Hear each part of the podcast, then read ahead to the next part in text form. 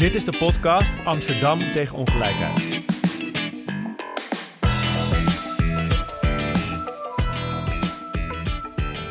Uh, goedenavond allemaal, mijn naam is Rutger Grootwassink en ik heb vanavond een fantastische gast, namelijk Dirk Bezemer. En die heeft dit boek geschreven, een uh, buitengewoon interessant boek, Een land van kleine buffers.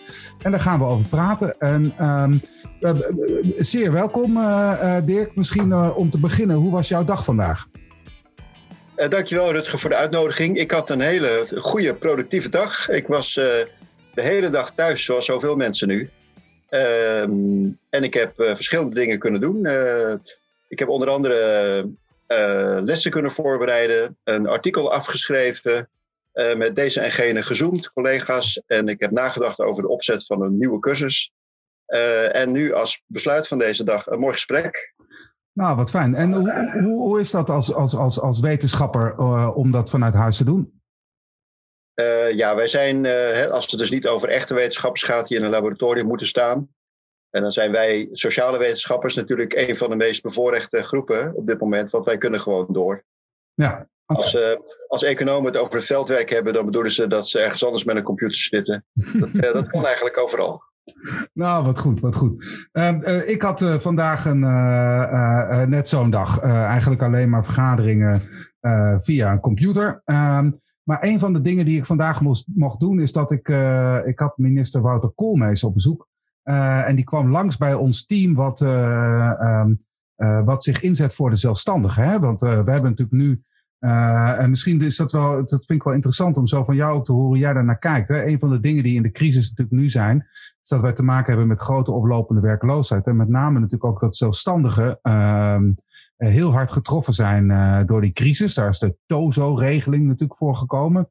Wij hadden in een, in een week of vijf zo'n 40.000 mensen bij ons aan de poort. en nou ja, ik zie daarin wel dat, dat, ja, dat toch ook grote groepen um, um, eigenlijk niet rond kunnen komen en ook eigenlijk geen toegang hebben tot de sociale zekerheid. Um, nou, is dat iets, kun je misschien iets vertellen over je boek? En hoe kijk jij daarnaar? Want volgens mij is dat ook wel een onderwerp waar jij je mee bezig gaat.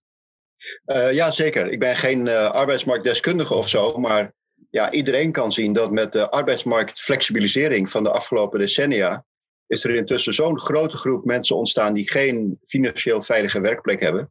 En ik, ik, ik geef de voorkeur eraan om dat een financieel onveilige werkplek te noemen en niet een flexibele arbeidsplek of zo. Dat klinkt veel te mooi. En er is natuurlijk een minderheid van mensen die daarvoor kiezen ZZP'er te worden en of uh, een flexbaan en die daar uitstekend uh, zichzelf mee kunnen bedruipen.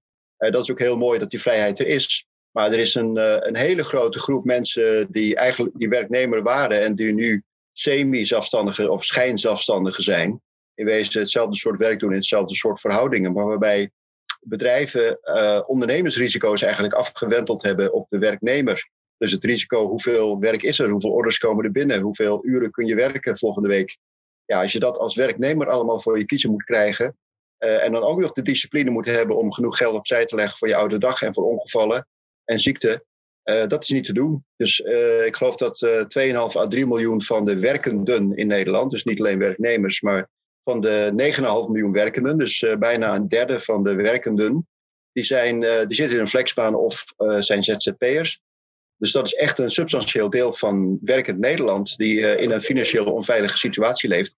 En dat is natuurlijk, uh, laat ik zeggen, prettig. Zolang, je, zolang het goed gaat, dan kun je denken, wat ik voor een baas kan doen, kan ik zelf met meer voor meer geld doen. Dat, klopt ook vaak als het goed gaat. Maar het punt van een veerkrachtige economie is juist, het wordt duidelijk of het veerkrachtig is als er een schok is. Die schok hebben we nu. En ik, ja, toen ik het boek schreef, ook al vorig jaar uh, april ben ik eraan begonnen toen uh, was dat een van de dingen waar ik mijn hart voor vasthield. De andere is de schulden. Uh, maar dit is een van de dingen waar ik mijn hart voor vasthield. Dat, dat zoveel mensen op een flexibele baan, dat die flexibele schil uh, heel snel afgegooid zou worden. Want daar is hij nou eenmaal voor.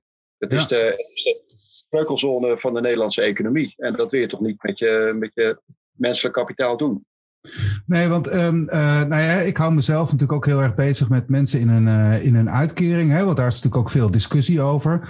Uh, en ook het, het Nibud heeft niet al te lang geleden een rapportje uitgebracht. waarin ze ook eigenlijk lieten zien dat de bestaanszekerheid van mensen in een uitkering bijvoorbeeld echt al enorm onder druk staat. En wat ik wel interessant vond, uh, hè, want de, mensen in een uitkering hebben eigenlijk helemaal geen buffer. Maar dat je ook ziet, en dat was ook een eerder Nibud-rapport, dat mensen, uh, ook als ze werken, eigenlijk onvoldoende een buffer hebben om inderdaad zo'n conjuncturele schok, hè, om economische tegenslag op te vangen. Zijn dat nou ook de buffers um, um, die je in je boek bedoelt? Hè? Want ja, er zijn gewoon heel veel mensen die eigenlijk gewoon werken. zeker ook in Amsterdam, waar heel veel mensen in een flexibele arbeidsrelatie zitten.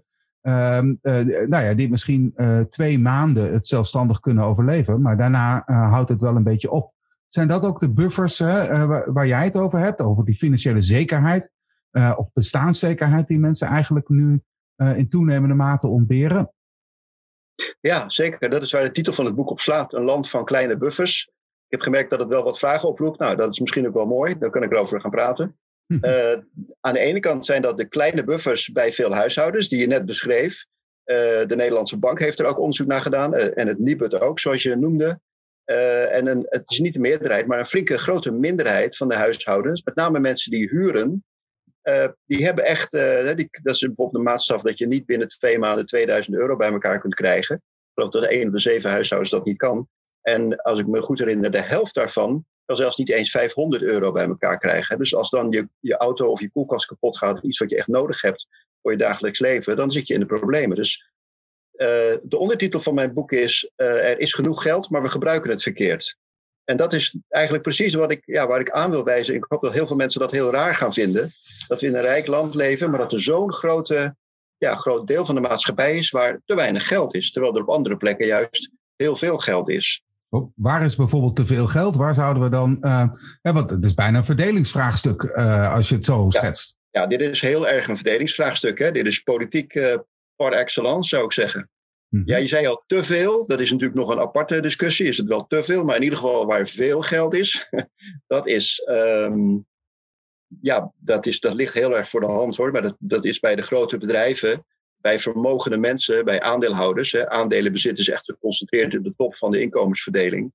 Uh, we hebben de afgelopen decennia gezien dat de dividenduitkeringen zijn enorm veel toegenomen, terwijl de lonen gestagneerd zijn. Uh, de, een andere manier waarop vermogende mensen beloond worden is door inkoop van eigen aandelen door bedrijven, waardoor, uh, waardoor aandelenprijzen ook nog eens stijgen. Uh, en dat, dat zijn vermogensinkomens, die staan tegenover arbeidsinkomen. En we zien eigenlijk een heel sterke kloof ontstaan tussen de stijging van vermogensinkomens en de stagnering of zelfs de daling van, van arbeidsinkomen. Zeker als je naar het besteedbaar inkomen gaat kijken, dus ja. na belasting en vaste lasten, dan zien we echt een daling. En dat is een daling niet voor de middenklasse en de hogere middenklasse. Daar heb ik het over de afgelopen twintig jaar. Maar met name voor de lagere middenklasse. Ook niet voor de mensen die echt in de armoede leven. Hè. De laagste 10% mm-hmm. van de inkomensverdeling. De armoede in Nederland is ongeveer 9% van de mensen, van de huishoudens. Dus die, die, wonen, die leven onder de Nederlandse armoedegrens. Nou, die hebben ongeveer 2% inkomensgroei per jaar meegemaakt de laatste 20 jaar, de laatste 10 jaar. Dat, dat, is, dat is goed natuurlijk. Maar het zijn juist de mensen daarboven die, die net, niet, uh, net, niet, net niet in de armoede zitten of die lagere midden, middeninkomens hebben. Ja, die hebben echt stagnerende inkomens meegemaakt en vaak toenemende lasten. Ja, mensen die ontevreden zijn alsof dat allemaal identiteitspolitiek is of zo, populisme. Maar er zit ook echt wel een sociaal-economische grond onder, als je naar de cijfers gaat kijken. Ja, en dat is ook de groep werkende armen, denk ik. Hè? Die valt daar dan ook in. Ja, dat is, een, eh, dat is een heel interessante term, werkende armen. Dat geeft al aan dat we daar, ja, dat het raar is. We nemen aan van mensen die arm zijn, dat zijn mensen in een uitkering, werkloos geworden, scheiding, andere rampen die je kunnen overkomen en die financieel heel zwaar zijn. Maar dus ook als je werkt of zelfs tweeverdiener bent, dan kun je ook nou ja, misschien in armoede of, of, niet zo heel ver boven de armoedegrens wonen. En die juist die mensen hebben in de hoogconjunctuur, hè, sinds 2015 tot, uh, tot met 2019 was echt een periode van mooie economische groei, hebben die daar toch weinig van meegemaakt. Dus als we het hebben over groei van de economie, dan bedoelen we bruto binnenlands product, het BBP. Maar het BBP, dat is lonen plus winsten. Dat is heel simpel. Dat is wat we de economie noemen. En de winsten zijn door het dak gegaan. De, de aandelenprijzen ook en de vermogensinkomens dus ook. Maar de lonen niet. Ja, maar daar focussen we natuurlijk eigenlijk veel te veel op. Hè? Want omdat de bestaanszekerheid van heel veel mensen natuurlijk echt nog heel uh, wiebelig is. Want dat merk ik ook wel in mijn eigen, uh, nou ja, dat merk ik zelfs in mijn eigen sociale netwerk. Dat er ook heel veel tweeverdieners zijn die misschien zelfs een koophuis hebben. Um, um, um, maar die met een kleine tegenslag, uh, bijvoorbeeld één partner verliest het werk vanwege corona, eigenlijk direct in de problemen komen, omdat er bijvoorbeeld hele hoge woonlasten tegenover staan. Ja, ja. Ja, en daar, en daar raak je eigenlijk aan het andere grote probleem van de Nederlandse economie. Ik denk dus dat de flexibele arbeidsmarkt het ene grote probleem is. We moeten ons trouwens realiseren, het is ook wel goed om even te noemen, dat we in Nederland daarin echt doorgeschoten zijn. Dus in de meeste andere West-Europese landen. Ja, we zijn echt ja. flexkampioen van Europa. Ja, ja, ja, je kunt je afvragen waarom we dat zo graag willen. Dat is helemaal niet prettig. En ook niet aantoonbaar goed voor de economie of zo. Bedrijven zeggen natuurlijk dat het fantastisch is, want ze kunnen krijgen er hogere winsten van. Maar het andere grote probleem, dat zijn die private schulden. En nou ja, met name in Amsterdam natuurlijk, uh, moeten, moeten zeker starters enorme hypotheken nemen om überhaupt te kunnen wonen. Um, er is een studie weer van de Nederlandse Bank, die doen uitstekend werk. Er is een studie geweest die laat zien, afgelopen zomer uitgekomen, die laat zien dat de verdrievoudiging van de Nederlandse huizenprijzen gemiddeld sinds 1995. Die verdrievoudiging is vooral door leenruimte en niet zozeer door woningtekorten alleen maar te verklaren. Dat betekent dus dat, uh, dat er meer geleend wordt, dat stuwt de huizenprijzen op. Daardoor moeten de volgende ronde mensen weer meer gaan lenen enzovoort. Dat houdt zichzelf in stand. En dat komt ook door het financieel beleid wat we in Nederland voeren.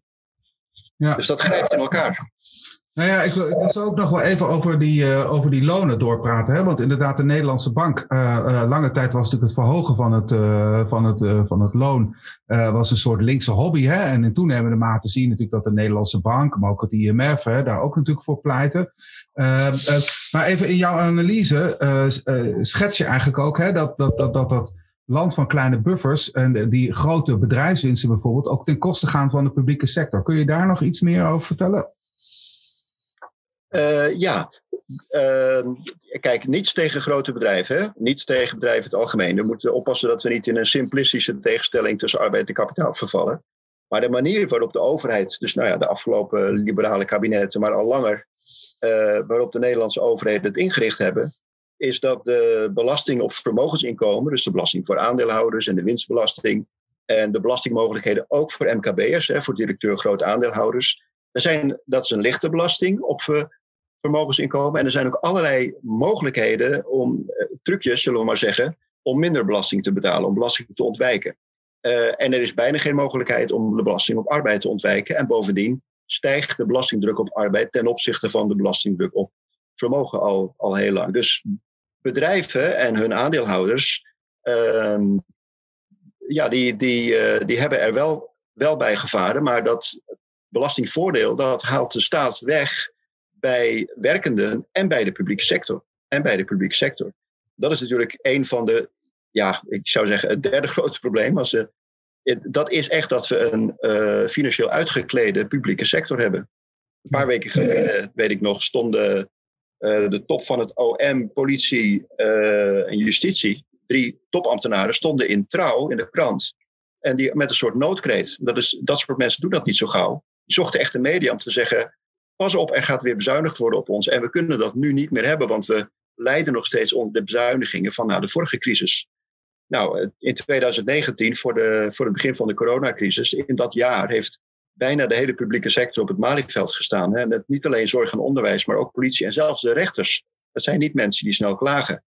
Dus het is echt, en de gemeentelijke financiën, het is, het is echt, nou ja, er is geen tijd om in detail te treden, maar er zitten echt gaten in de gemeentelijke financiën van de meeste van de ongeveer 300 Nederlandse gemeenten. Vorige zomer nog stuurden, geloof ik, ruim 100 wethouders een brandbrief naar Den Haag. En de hele sociale fallout van deze crisis, die gaat nog komen. Hè? Dat komt voor een flink deel op de gemeentelijke bordjes terecht. Oh ja, Omdat Den Haag taken, de WMO, overgeheveld heeft naar gemeenten. Ik, ik, ik weet er alles van. Dat, uh, uh, dat, is, uh, ja. dat is een hele ingewikkelde puzzel. Don't get me started. Nee, maar het is natuurlijk wel interessant, hè, die erodering van de publieke sector. Hè, want we hebben geapplaudiseerd voor de zorg. En Rutte zei, de publieke sector is weer helemaal terug. Uh, maar daar hebben we dus echt wel een kanteling in nodig. Want nou ja, ik, ik, ik vind dat natuurlijk ook wel. Dat als je kijkt naar uh, de tekorten in het onderwijs, de te, uh, de, de, de te lage beloning in de zorg, maar zelfs bijvoorbeeld bij de politie. maar inderdaad, hè, als zelfs advocaten zich, zich zorgen gaan maken, dan is er natuurlijk echt wel wat aan de hand.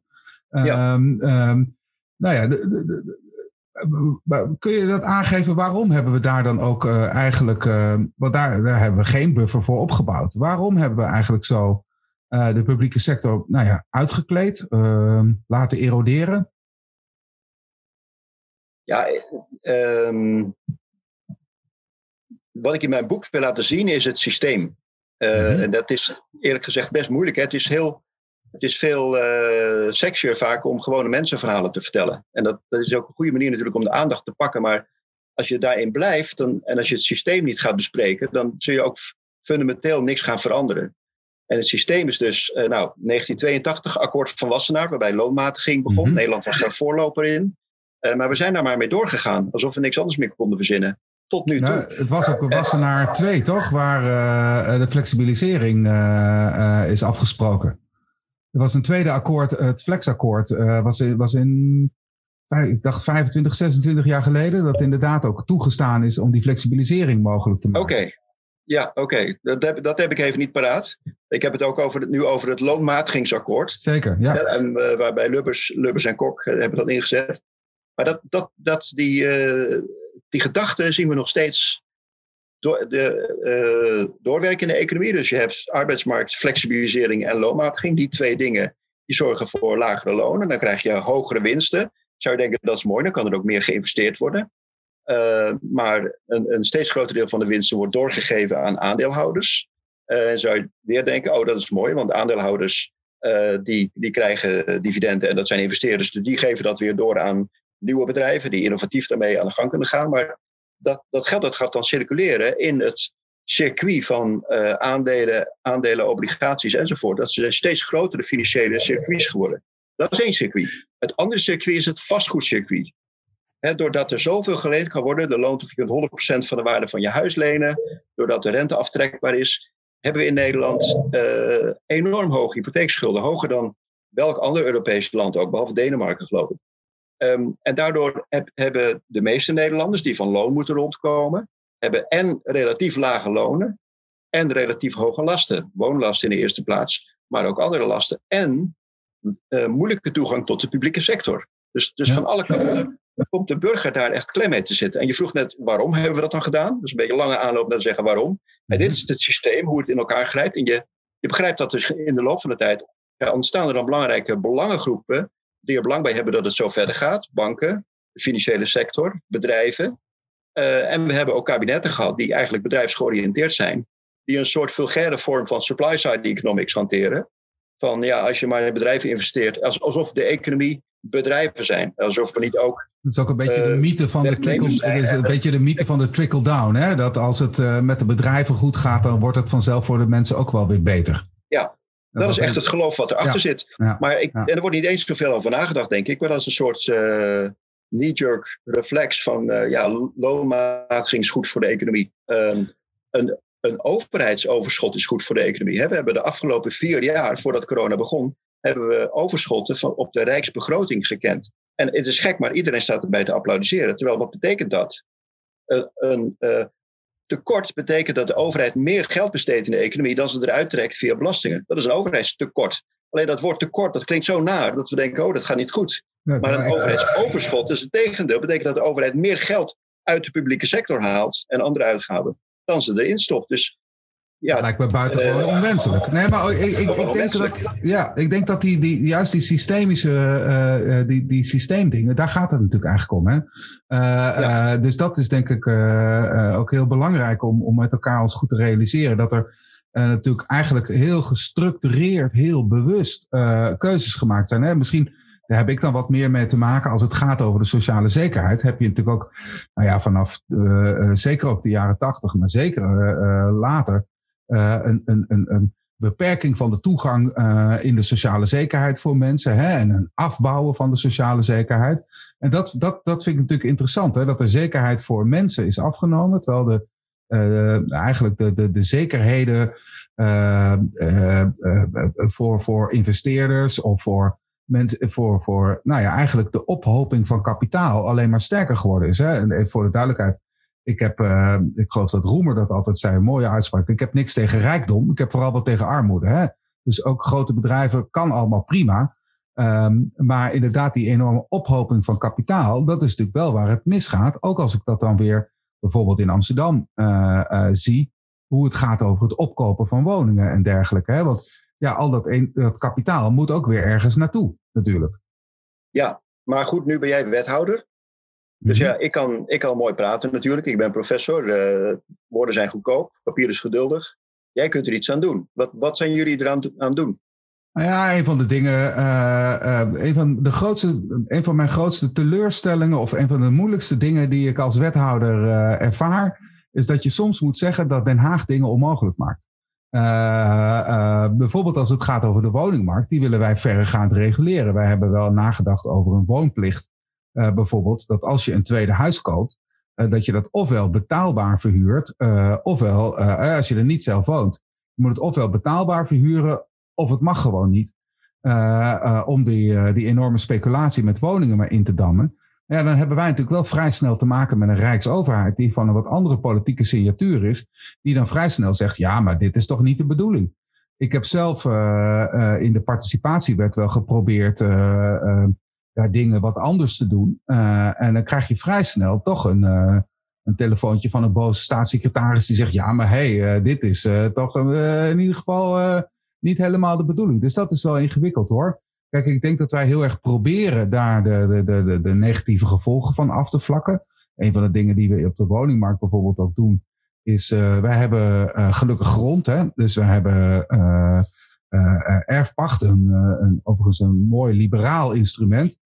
Uh, maar wij proberen wel uh, afspraken te maken. Ja, je mag hier bouwen, maar dan moet je het uh, betaalbaar blijven verhuren. En niet, wat je natuurlijk nu heel vaak ziet, ehm, een, een, tijdje betaalbaar verhuren en het daarna voor speculatie beschikbaar stellen. maar ja. dat zijn natuurlijk wel ingewikkelde dingen. en hetzelfde de belastingwetgeving.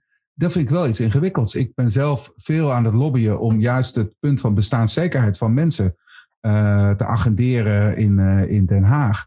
En ik heb het idee dat er nu ten aanzien van de minimumlonen wel iets verandert. Hè. De voor 14 campagne hebben we natuurlijk ook van de FNV, hartstikke goed. Um, maar ja, in, zekere zin uh, vind ik de constellatie in, in Den Haag best ingewikkeld. In die zin, volgens mij mochten we drie jaar geleden of zo Nederland niet eens een belastingparadijs noemen. Terwijl wij natuurlijk uh, uh, op de Zuidas uh, evidente voorbeelden hebben van, van, van belastingontduiking. ja, ja, mag, ja. dat is natuurlijk wel een beetje gek. Ja, als je zegt ingewikkeld, Rutger, dan bedoel je eigenlijk heel vervelend, of niet? Ja, ik dat, vind dat, dat je ja. ingewikkeld vindt. Nee, ja, nee, ja, ik zou natuurlijk willen. Kijk, uh, uh, um, nog even los van dat ik een republikein ben, zou het natuurlijk vele malen handiger zijn als je uh, in Amsterdam nog veel strikter regels zou kunnen stellen. Omdat ik natuurlijk gewoon zie dat, dat de woningmarkt in Amsterdam kapot gaat. en de nationale wetgever daar een hele andere positie in kiest. Ik bedoel, ja. toen Blok nog minister van Wonen was, toen riep hij buitenlandse investeerders op om toch vooral sociale huurwoningen op te kopen. Nou ja, dat hebben wij in Amsterdam echt niet nodig. Uh, nee, dat begrijp dus... ik. Maar er zijn dingen aan te doen. Hè? Ik, ik begrijp dat ze in Berlijn een, uh, een rentcap hebben, dus een uh, maximum huur. Dat ze dat, waar, waarom kan dat in Nederland niet dan? Nou, dat is een mooi voorbeeld. Want ik had twee weken geleden een, uh, een, een call met, uh, met de Berlijnse wethouder die daarover ging. Uh, nou, hier is, is, is de minister Ollongren is daar erg tegen. maar in Berlijn is het ook onder de rechter. En het is heel spannend of dat, of dat houdt. Um, en het staat of valt natuurlijk wel ook een beetje. Wij hebben natuurlijk, en dat vind ik wel mooi, hè, want dat is natuurlijk ook een beetje wat je beschrijft in je boek. volkshuisvesting was natuurlijk echt iets voor de middenklasse. Eh, sociale huurwoningen waren voor de middenklasse. Ik woon zelf in de staatsliedenbuurt. Eh, eh, de Koperen Knoopbuurt, gebouwd. Uh, daar staan de eerste corporatiewoningen van Nederland. Gebouwd voor mensen met koperen knopen. namelijk de, de, de, de, de, de, de, mensen van de tram, de agenten. Ehm. en we hebben natuurlijk de, de corporaties hebben natuurlijk helemaal aan de markt overgedragen. En sterker nog, we hebben nog steeds een crisisbelasting in de vorm van de verhuurderheffing die het natuurlijk onmogelijk maakt. De sociale huurwoning is natuurlijk al lang niet meer voor de lagere middenklasse. He, dat is nu Nee. bijna een armoedevoorziening geworden. En dat is misschien wel een mooi voorbeeld van wat jij ook beschrijft. nou ja, hoe, hoe we eigenlijk dat, dat allemaal vermarkt hebben. En niet meer met elkaar praten over wat nou een publiek belang is of niet. Want ik zou zeggen, nou ja, betaalbare woningen, dat lijkt me nou bij uitstek een publiek belang. Ja.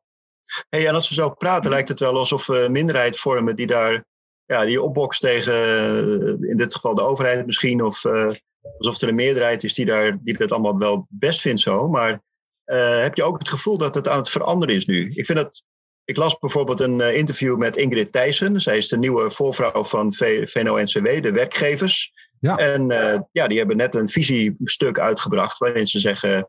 wij zijn klaar met uh, flexibele arbeidsmarkt. we willen, staan open voor hogere minimumlonen. De kloof is te groot geworden. Dat is toch iets wat ik haar voorganger nooit heb horen zeggen. En wat, wat echt volgens mij... Nee, maar dat is volgens mij echt een hele grote positiewijziging. En zo zijn er meer tekenen, denk ik, dat wat wel eens het neoliberalisme genoemd wordt, dat dat echt, dat heel veel mensen, opiniemakers, de Kamer wil hè, van links tot rechts hoger minimumloon en een sterkere overheid bij de politieke beschouwingen. Maar op de een of andere manier beweegt het nog niet heel hard in de praktijk. Moeten we gewoon ah. even geduld hebben, denk je? Ja, want ik ben wel een hoopvol mens. En ik zie ook inderdaad, uh, want ik heb het interview ook gelezen. Ik was er heel erg blij mee. Ook uh, de, de, aandacht voor klimaatverandering bij VNO. Nou, dat is ook al best, uh, best bijzonder. Ehm, dus dus ik, ben, ik ben in die zin wel, wel, wel buitengewoon hoopvol. Hè? Ehm, op verschillende dossiers. Maar ja, misschien ben ik ook wat ongeduldig, want de verandering gaat me soms wat, wat te langzaam. Um, maar als ik bijvoorbeeld naar, naar sociale zaken kijk. We hadden uh, uh, in eh, december 2018 evaluatie-participatiewet. WRR heeft een mooi rapport geschreven en de commissie Borslap heeft een, een mooi rapport geschreven. en natuurlijk, dit kabinet heeft niet meer gereageerd op het rapport van de commissie Borslap, wat natuurlijk gaat over meer, excuus, meer investeringen in, in reïntegratie, uh, hogere uh, beloning, minder flex. en dit kabinet reageert daar niet op. Maar ik denk wel dat een toekomstig kabinet er niet aan ontkomt om dat te doen. In die zin denk ik ook dat eigenlijk een soort deltaplan bestaanszekerheid nodig is. En ik ben optimistisch, omdat ik denk dat er inderdaad wat verandert. Maar de vraag is wel een beetje. Um, uh, en daar moeten we misschien ook uh, nou ja, de, de politiek een beetje scherp op houden.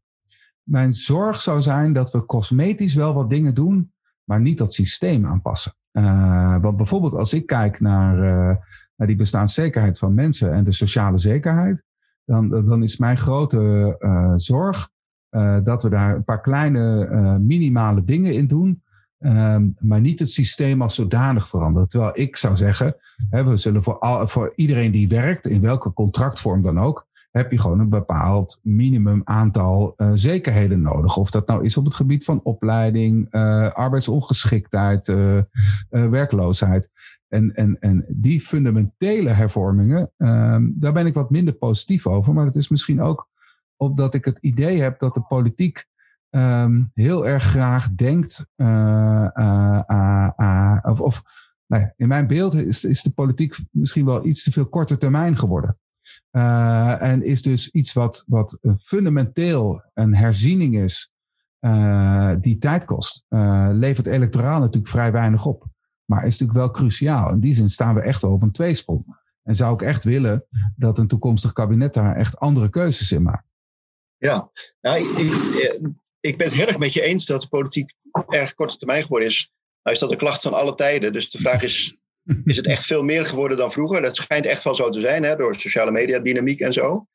Maar wat ik, ja, wat ik zelf als dus politieke buitenstaander in dat opzicht niet goed begrijp, vaak. Hè, dus, uh, je, hebt het, uh, je hebt het rapport Borstlab. Uh, mm-hmm. Nou, dat, dat zou eigenlijk de situatie voor heel veel mensen verbeteren. Dus kun je daar geen electorale winst mee behalen als je je daar hard voor gaat maken. Bovendien is het een, een advies wat de overheid zelf gevraagd heeft. Hoe kun je dat dan als je neerleggen? Dus en dan is er nog een ander rapport. Um, toevallig heb ik het gedaan. Ja, dat is echt toevallig. Um, ontwerp voor een beter belastingstelsel. Mm-hmm. Ontwerp voor een beter belastingstelsel. Uh, van de Rotterdamse hoogleraar uh, Bas Jacobs en uh, ah. Knossen en andere belastingspecialisten. En die zeggen ook, dat, dat, zijn, uh, dat zijn specialisten natuurlijk, mensen die er lang over nagedacht hebben. Ehm, en, en, en die vertegenwoordigen geen linkse partijen of zo. Dat zijn, uh, dat zijn onafhankelijke specialisten.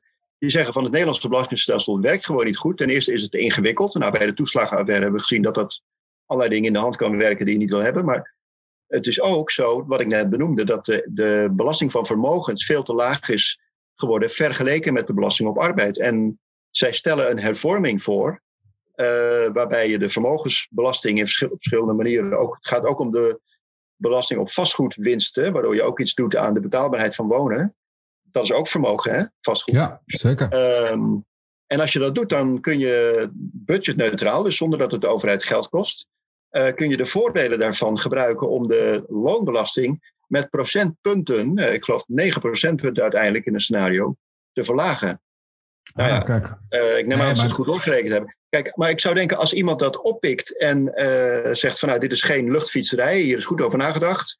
Natuurlijk is het iets wat, wat uh, grondig en niet overhaast uitgevoerd moet worden. Maar als jij, laten we zeggen, 5% loonbelastingverlaging kunt beloven, dan ben je toch morgen premier. Ik snap niet dat mensen dat niet oppakken en dat dat niet gewoon doorgevoerd wordt. Want voor de meerderheid van de Nederlanders is dat een grote verbetering. Nee, maar dat ben ik erg met je eens. Ik ken dit rapport overigens niet. Ik ga het uh, snel. Uh, ik heb al even een krabbeltje gemaakt. Ik ga dit snel even bijzoeken. nee, want, want, want hier zie je natuurlijk dat het misgaat. Hè? Want die belasting op arbeid is natuurlijk te, te hoog. En die moeten we natuurlijk verleggen. Um, dus ik denk. maar, maar dan is mijn wedervraag ook wel een beetje. Is het dan alleen uit een soort neoliberaal geloof dat we hier zo aan vasthouden? Of waar zit het dan in dat het ons toch ook niet lukt om. Hè, ik, dat het ons ook niet lukt om dit soort dingen te doen. Hè? Want bijvoorbeeld bij Borstlab, nou ja, ik heb daar uh, zelf ook uh, bij die presentatie een kleine rol mogen spelen. En ik heb met, met Borstlab veel gesproken. En ik heb echt wel het idee dat als je ziet hoe Borstlab in de, in de verkiezingsprogramma's zit, dat er echt wel iets gaat gebeuren. mij allemaal niet snel genoeg, maar er gaat echt wel iets gebeuren.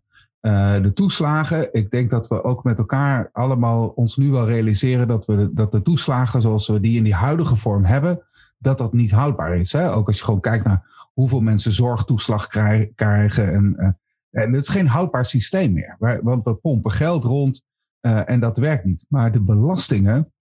Um, wat, kijk, je zou toch denken. Um, Welk belang hebben uh, bijvoorbeeld VVD en CDA, en dat is niet om het partijpolitiek te maken, maar welk belang hebben zij nou om dat niet te doen? Want dit is toch, ik bedoel, ja, als, voor mijn taakopvatting als politicus is dat ik hier zit om het welbehagen der mensen uh, uh, te verbeteren. zij zullen dat ook denken, dat ze, dit doen, dat, ze, dat ze hun dingen doen uit, het, uit een goed belang voor mensen. Maar waarom zouden ze dat nou niet doen dan? Heb je daar een idee van? Of, of vinden we het gewoon ook te complex? Dus misschien dan een subvraag. Want die, ik maak me wel zorgen over de financialisering. Hè, uh, die, die wij in Amsterdam op de woningmarkt heel sterk zien. Dat is natuurlijk een, een, een, tendens. Uh, nou ja, hebben we dat gewoon niet in de gaten en, en, en, en, kijken we ook een beetje weg? Ja, ik denk dat dat echt een deel van de verklaring is. Dat, uh, dat, dat, het, dat, dat, ja, dat er te weinig degelijke ja, analyse gedaan wordt. Ja, misschien ben ik dan, heb ik een beetje, beetje beroepsdeformatie dat wetenschappers altijd denken dat het, uh, dat te weinig, dat het allemaal niet goed gesnapt wordt. Maar als je kijkt ook hoeveel, uh, laat ik maar zeggen, degelijke inbrengen in het debat verloren is gegaan. Hè. Vroeger hadden de vakbonden wetenschappelijke bureaus die echt een rol van betekenis speelden. Niet ten nadele van wat ze nu doen. Hè. Dat, dat, maar dat is echt een stuk minder geworden.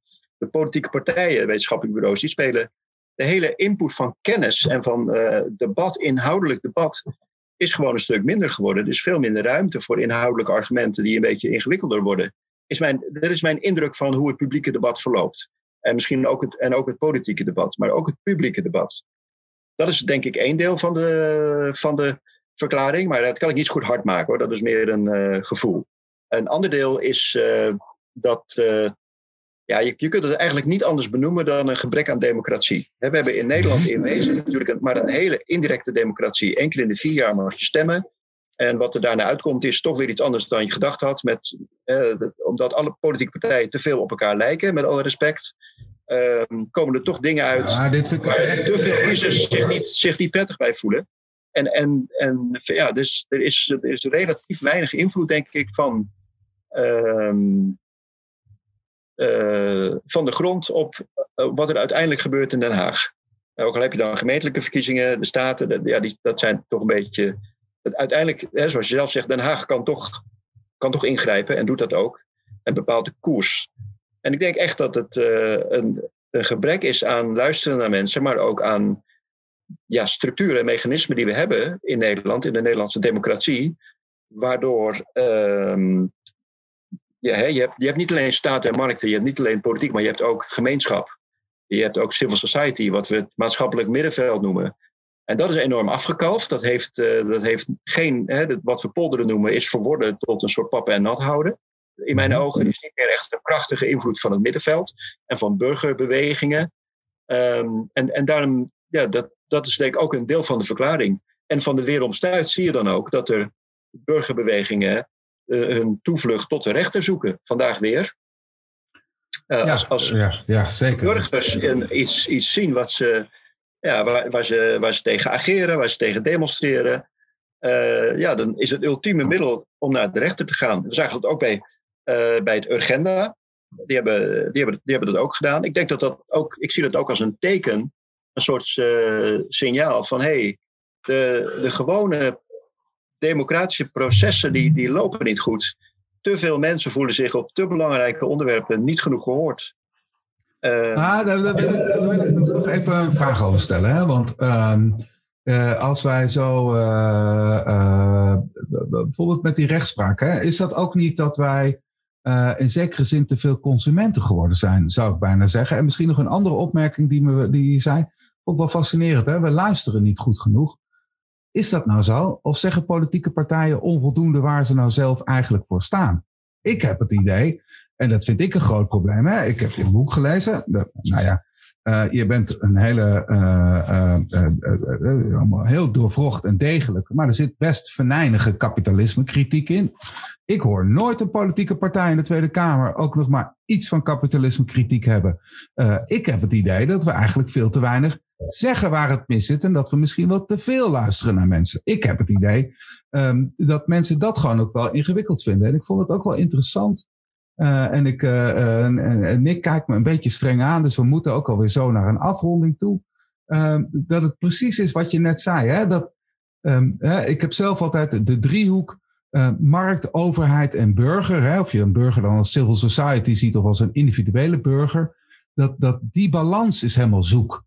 Hè, we hebben te veel aan de markt overgelaten op sommige punten en andere punten weer te veel aan de overheid. En, en we zoeken nog steeds naar een soort nieuwe balans daarin. Um, um, um, wat, wat, wat, wat zouden we nou kunnen doen om juist de ideeën die jij ook bijvoorbeeld in je boek neerlegt, die volgens mij doorvrocht zijn, en net als het rapport wat je net noemde over belastingen, uh, wat zou ons nou kunnen helpen om, uh, om, om dat toch nou ja, om daar een doorbraak in te forceren. En dat zijn misschien een beetje te veel vragen ineens hoor. Want, nee, uh, ja, maar ja, dat is heel goed. Het is heel goed om in de war te zijn, want dan ga je weer nadenken. Uh, en ik, ik ben ook wel in de war over. Ik zeg dat niet tegen jou, ik zeg dat ook tegen mezelf. Hè? ja, ja, ja, zeker. Nee, nee, nee, zo vat ik het ook niet op hoor. Het zijn, het zijn hele verwarrende tijden. Ik, kijk, ik haak echt aan op dat punt wat je zei. Je hoort geen, geen, geen kapitalisme kritiek maar die dan ook constructieve kritiek is. dat, uh, dat, schrijf ik ook in het boek. Ik ben niet tegen kapitalisme. Uh, ik ben, en, en, maar er zijn zoveel vormen kapitalisme historisch geweest en ook nu in de wereld, van China tot Amerika. En uh, we, we, moeten, we moeten het kapitalisme redden van zichzelf. Niet, niet wij hier aan deze keukentafel, maar in deze tijd, in onze generatie, denk ik, uh, ook met de crisis die op ons afkomt, moeten wij het kapitalisme redden van zichzelf. Dus moeten we echt opnieuw fundamenteel nadenken. Wat voor systeem is dit? Waar ja. wij in zitten en wat we maken iedere dag. En hoe kunnen we dat aanpassen? En de manier waarop we dat kunnen doen, denk ik, uh, is door niet oppervlakkig te zijn. En dat, ja, dat is toch wel, ja, dat hoor ik bij veel politici die wel kritisch zijn op de status quo. Uh, ja, dat, toch gaat het niet vaak, vaak niet heel diep en niet heel lange termijn. Dat je veranderingen voor de lange termijn ook echt in gang zet, nu al. Um, dat, dat moet. Maar ten tweede moet je ook constructieve kritiek hebben.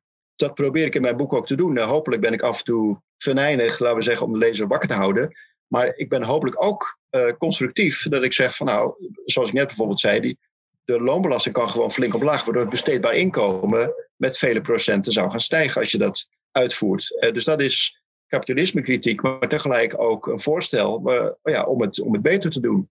En het gaat niet alleen om bestaanszekerheid. Hè. Ik, ik, ik ben helemaal met je eens dat dat, een heel belangrijk punt is. Maar uh, het gaat ook, het, het, gaat niet alleen maar om verontwaardiging over verdelingsvraagstukken die niet eerlijk geregeld zijn. Maar het gaat ook gewoon om het goed functioneren van de economie. want de Nederlandse economie die drijft op consumptie. Uh, uit, uiteraard moet dat veel duurzamer consumptie worden, maar het blijft een economie die drijft op diensten en consumptie. Um, en als je niet, niet de koopkracht in stand houdt van genoeg mensen, hè, want koopkrachtplaatjes, nou daar kunnen we het ook nog over hebben, maar als je dat niet in stand houdt, en uiteindelijk gaat het om zekere banen en lonen die meestijgen met de economische groei, dan heb je ook geen uh, groei van de economie op een duurzame manier. En dat duurzame in twee opzichten, ecologisch duurzaam, maar ook duurzaam zodat je ermee door kunt gaan zonder grote sociale spanningen en, en, en flinke groepen burgers die zich erbuiten voelen staan. Dus ik zeg, zou zeggen, wees degelijker in je kapitalisme kritiek, zou ik tegen politici zeggen. En maar wees ook constructief daarin. Nou, maar dit vind ik ook een mooie invulling van, uh, uh, van de duurzaamheid. Omdat ik, uh, hè, nog even afgezien van de, de ecologische dimensie, die we natuurlijk denk ik heel duidelijk ook zien. Hè, ehm, nou ja, het is een ander gesprek hoor, maar ik vind dat we klimaatverandering natuurlijk ook in Nederland maar zeer beperkt, beperkt aanpakken. Maar juist ook, hoe zorg je nou voor een systeem waarin je uiteindelijk, uh, nou kom ik toch weer bij dat welbehagen. Hè? Zorg dat dat, dat, dat, dat en dat, dat gaat niet alleen over bestaanszekerheid, maar waarin je een werkend systeem hebt, waarin we voldoende met elkaar opbrengen, zodat we ook, nou ja, de, want uiteindelijk is natuurlijk toch de vraag, wat voor samenleving wil je zijn? en welke publieke sector hoort daarbij? En hoe vind je ook dat bedrijven daar een plek in krijgen? En mij valt juist op, want ik spreek best veel ondernemers in de stad. Um, en ik zie eigenlijk grote bereidheid om ook bij te dragen op een andere manier. Ik zie juist heel veel uh, werkgevers, bedrijven die zeggen: help mij nou om ook die sociale invulling te vinden, want ik vind dat ik iets terug moet doen. want het alleen maar sec maximaliseren van de winst is niet waarom ik dit werk ben gaan doen. Is niet waarom ik dit wil.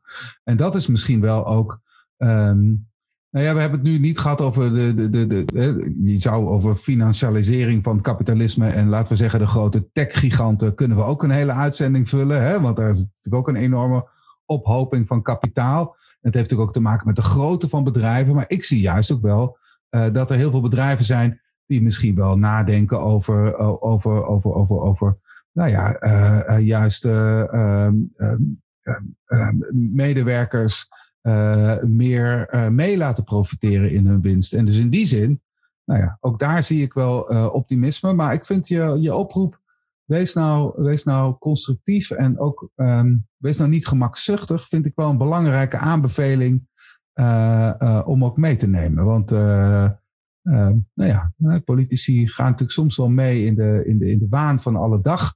laat ik in alle eerlijkheid zeggen, daar ben ik ook niet vies van. Hè?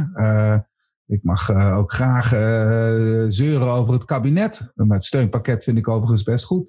Um, maar niet gemakzuchtig zijn, nou ja, dat vind ik wel een mooie. En ik vind ook dat je boek daar heel erg een bijdrage aan levert. Maar moeten we dan niet gewoon als politici meer lezen? Is dat dan niet het probleem? ja, ik kan niet in de agenda's van politici kijken. En misschien lezen ze al heel veel natuurlijk. Bij sommige mensen heb ik zeker de indruk dat ze heel, heel recht zijn hoor. Ehm, maar ik heb dat. Um, ik, het, um, ik haak aan bij je opmerking. Hè, dat je zei van moeten we. Luisteren we niet. Luisteren we genoeg naar mensen of luisteren we. Ik denk dat, dat uh, politici. Uh, ja, misschien. Ook, ook in die zin meer leiderschap moeten tonen. Dat ze niet. Dat ze inderdaad zeggen waar ze voor staan. Dat zou ik al heel welkom vinden. Uh, maar dat ze ook niet steeds proberen, dat is natuurlijk wat we gezien hebben, dat steeds proberen te zeggen waar, dat waarvan ze denken dat het goed zal vallen. En dat nu continu via, via focusgroepen en nu via sociale media, algoritmen en zo, wordt continu bijgehouden. ja, waar, waarmee kan ik de meeste electorale winst boeken?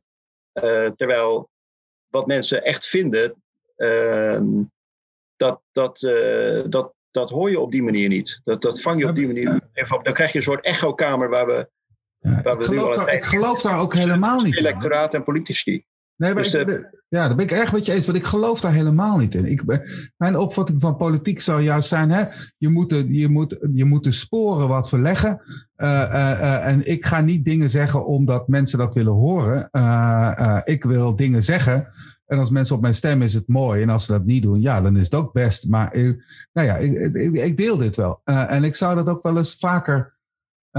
nou, volgens mij mag dat wel wat sterker af en toe. Want Ehm, ik heb ook wel het idee dat als ik bijvoorbeeld naar de Amsterdamse gemeenteraad kijk, dan zie ik daar sterkere geprononceerde verschillen, omdat mensen praten vanuit waarde, ideologie of een opvatting. En in Den Haag is het inderdaad, vind ik best vaak, uh, ja, maar we mogen dit toch niet zeggen, want ja, dan uh, is dat ingewikkeld en dan stoten we misschien wel mensen mee af. Terwijl ik denk, ja, uh, uh, sorry, uh, we heten toch niet voor niks GroenLinks. Dus ja, we zijn groen en we zijn links. Dat is toch niet iets om mensen bang... ja, als mensen daar bang van worden, dan moeten ze niet op ons stemmen. Ja. Ja, ja dat is... Ja, ja, ja, Maar nou, ik, ik, vind ook een soort, ik vind ook een soort raadsel hoor. Misschien dat ik... iedereen heeft zijn eigen positie en daardoor snap je misschien andere posities minder goed. Maar ik moet ook zeggen dat... Ik, dus ik vind het een soort raadsel waarom uh, voorstellen waar zoveel mensen het mee eens zijn. En misschien spreek ik alleen maar de verkeerde mensen, maar ik probeer echt met iedereen te praten daarover. Uh, toch, uh, ja, dat, die, ja, dat je die toch nu uh, al zo lang niet terugziet in de praktijk. Als het gaat over de arbeidsmarkt, over de, de financialisering van de economie hoe je die terug kon draaien, betaalbaar wonen. Ja, iets om een heel concreet voorbeeld te noemen. Hè. Ik geloof dat alle partijen in hun, in hun, partij, in hun verkiezingsprogramma's uh, woningen bouwen hebben. Uh, en dat, dat is ook nodig. Maar dat bijna niemand uh, benoemt dat de schaars. Kijk, schaars is een financieel ding. Schaarste betekent dat je te veel moet betalen voor iets en dat je daarom niet kunt veroorloven. Dat er te weinig is voor een groep mensen die het niet kunnen betalen. Dus schaarste is ook een. als, als de huizenprijzen omhoog gaan, dan kan dat ook zijn, zoals de Nederlandse Bank in dat onderzoek aantoont, omdat de huisprijzen hoog zijn vanwege te veel leenruimte. Dus dat ze opgestuurd zijn door te hoge hypotheekverleningen. Ga dat dan aan banden leggen en kijk dan nog eens of je wel zoveel bij moet bouwen. Hè? Want zoveel natuur hebben we natuurlijk niet in Nederland. Nee. Dus dat soort, dat soort dingen, daar denk ik van, waarom wordt dat nou niet opgepikt en waarom wordt daar niet wat mee gedaan? Ja, Nee, ja, ik, ik, heb daar eerlijk, ik heb daar eerlijk gezegd ook geen antwoord op. Want ik, ik, vind het, ik, ik luisterde van het weekend een podcast van, uh, van, van de NRC. En die ging over het electoraat. Hè, en daar, daar, daar zeiden ze, en dat, dat, ik vond dat ze dat goed onderbouwden, dat de gemiddelde Nederlander sociaal-economisch best linksig is. Hè? En bijvoorbeeld, daar dacht ik ook aan met die zorgmedewerkers. Ja, maar iedereen wil toch dat die lui iets meer verdienen? Hetzelfde met leraren. Iedereen, ieder, niemand is tegen slecht onderwijs. Iedereen wil toch dat kinderen het beste onderwijs krijgen. En toch lukt dat niet. Dat is toch, dat is toch ook best merkwaardig eigenlijk? Ja, maar, maar daar zie je dus hè, dat, dat daarin leiderschap nodig is. En als je dus een soort vulgaire vorm van supply-side economics hebt, waarbij je denkt als overheid van nou, in de eerste plaats moet ik geen tekort hebben of een heel klein tekort, dus zo min mogelijk uitgeven aan de publieke sector, waaronder onderwijs. En ten tweede, ik moet zorgen dat bedrijven heel veel winst maken, want dat is goed voor de economie, voor de BV Nederland. En ja, andere dingen, dat vallen dan een beetje weg. Ja, dan, dan krijg je dit. Dat is echt een kwestie van ja, over het systeem nadenken, een bepaalde visie hebben, of uit uit een bepaalde supply-side economics gewoonte handelen. Ja. En ook als heel Nederland dat anders vindt, ja, dan, dan als het niet in, uh, niet in de partijen die ertoe doen doordringt, dan zal het toch niet gaan veranderen. Nee. Nee, want ik vind het ook wel interessant wat je zegt over die vermogens. Hè? Want ik bedoel, dat is weer heel erg particulier Amsterdams hoor. Uh, daar zie je zoveel mensen die op papier veel vermogen hebben, maar in de praktijk natuurlijk helemaal geen bal aan hebben. Omdat ja, die koophuizen, uh, dat is allemaal leuk, maar ze zitten natuurlijk allemaal vast. En het leidt allemaal tot een systeem waarin je uh, nergens anders naartoe kunt. ja, het enige wat je kunt is de stad uit. maar dat is natuurlijk, ja, dat is natuurlijk eigenlijk een doodlopende weg. Um, ja, en ik, heb, ik, ik bedoel, ik heb sowieso niet zoveel behoefte aan vermogen, maar ik heb zeker geen behoefte aan vermogen op papier, want ja, daar kan ik toch niks mee. Ja. Dus we moeten ook echt maar anders... Deze, de, deze problemen die zijn letterlijk al honderd jaar geleden echt heel goed geanalyseerd. En daar is een oplossing voor. Het belasten van de toename van uh, landwaarde. Waarmee je niet alleen de gemeentelijke financiën helpt, maar waarmee je ook het speculatiemotief, dus het motief om puur iets te kopen om het duurder te kunnen verkopen, niets, verder geen motief waarmee je dat wegneemt, dan valt er heel veel speculatieve vraag weg als je die belasting goed regelt. Maar ja, dat is natuurlijk, uh, je moet dat heel goed uitleggen. Want mensen denken meteen, oh, je komt aan de waarde van mijn huis, dat is een appeltje voor de ja, ja, ja, ja, Maar dat, dat hoeft dus allemaal, dat hoeft allemaal niet. Het, is juist, het stabiliseert juist de huizenmarkt. En dat is wat we in Nederland nodig hebben. Maar dat is interessant, want daar gaat natuurlijk ook weer in wat je zegt. Uh, dat is mijn appeltje voor de dorst. Dat komt natuurlijk ook omdat we voor grote groepen mensen geen fatsoenlijke pensioenvoorziening meer hebben. He, dat is dus, dat, de, dus, dus de afbraak van de sociale zekerheid uh, heeft hier natuurlijk ook weer mee te maken dat, dat voor sommige mensen uh, een koophuis de facto een pensioenvoorziening is. omdat we eigenlijk niet meer erin geslaagd zijn voor alle werkenden daar een fatsoenlijk systeem in te bouwen. Hm. Ja, ja. Ja, nou, in mijn ervaring zijn het ook de mensen van wie ik vermoed dat ze een uitstekende pensioenvoorziening hebben die toch in het geweer komen tegen het woord vastgoedbelasting. Juist omdat ze zeker, behoorlijk zeker. vermogend zijn. Die hebben ook meer te verliezen. Dus dat, dat is vooral waar de tegenstand eigenlijk zit. En heel Ja. begrijpelijk. Ja. Maar je, je moet het goed uitleggen. En, want het heeft echt voordelen voor iedereen, denk ik. En want als jij inderdaad met een heel groot vermogen, maar ook een heel duur huis en een heel hoog schuld zit. Ja, hoeveel ben je dan opgeschoten? Ja, ja. Nou ja, de, de, eh, het doet me ook denken aan. eh, eh, eh, vader en zoon eh, Skidelski hebben een heel aardig boek geschreven. Hoeveel is genoeg? Eh, over Ja. Keynes. Je kent het waarschijnlijk wel. Dat is natuurlijk de Ja, vraag. ja. Hè? Welke samenleving willen we en hoeveel is genoeg? En dan is misschien het korte termijn van je persoonlijke vermogen of, of je persoonlijke rendement niet het belangrijkste als je zeker weet welke publieke sector en welke samenleving daar tegenover staat. Hè? In die zin, ik zou zelf, ik heb wel eens overwogen eh, eh, in een vorige baan om een eh, bond van blije belastingbetalers op te richten. Ik vind het fantastisch dat ik belasting betaal, omdat je daar allemaal mooie dingen voor terugkrijgt. Hè? Nu alleen dus nog andere belasting. Dat zou een hele mooie zijn. Ja, het belastingstelsel kan beter ingericht worden. Belasting moeten we niet een vies woord zien. Overheidstekorten moeten we niet een vies woord zien. Wist je dat in de laatste halve eeuw, de laatste 50 jaar, vier van de vijf jaar had de Nederlandse Rijksoverheid een tekort? Ja, dus mensen zeggen vaak, ja, dat kan niet, dat is gevaarlijk, tekorten. Je gaat onverantwoord om met, eh, met de centjes van ons allemaal enzovoort. Huishoudboekje van de staat. Vier van de vijf eh, jaar hadden we dat gewoon. Ja, ik heb er niet veel van gemerkt, Ja, eerlijk ja. gezegd hoor.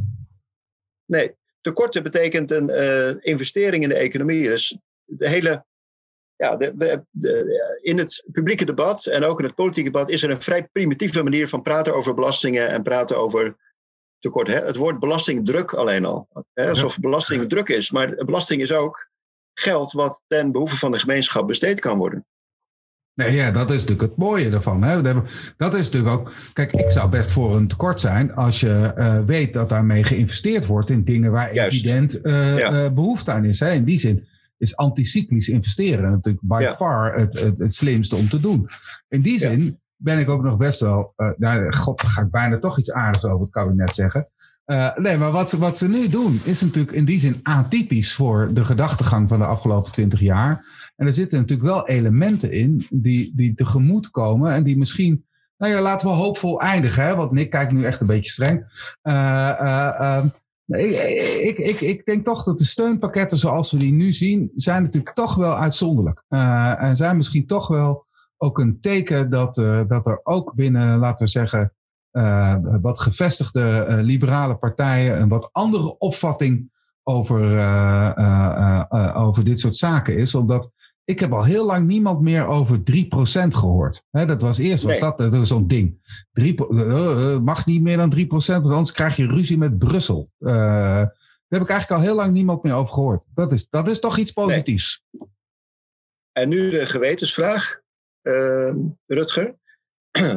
Zitten we nu op een kantelpunt? Want ik, ik, kan het, ik kan het illustreren, ook in mijn wereld, de wereld van economen.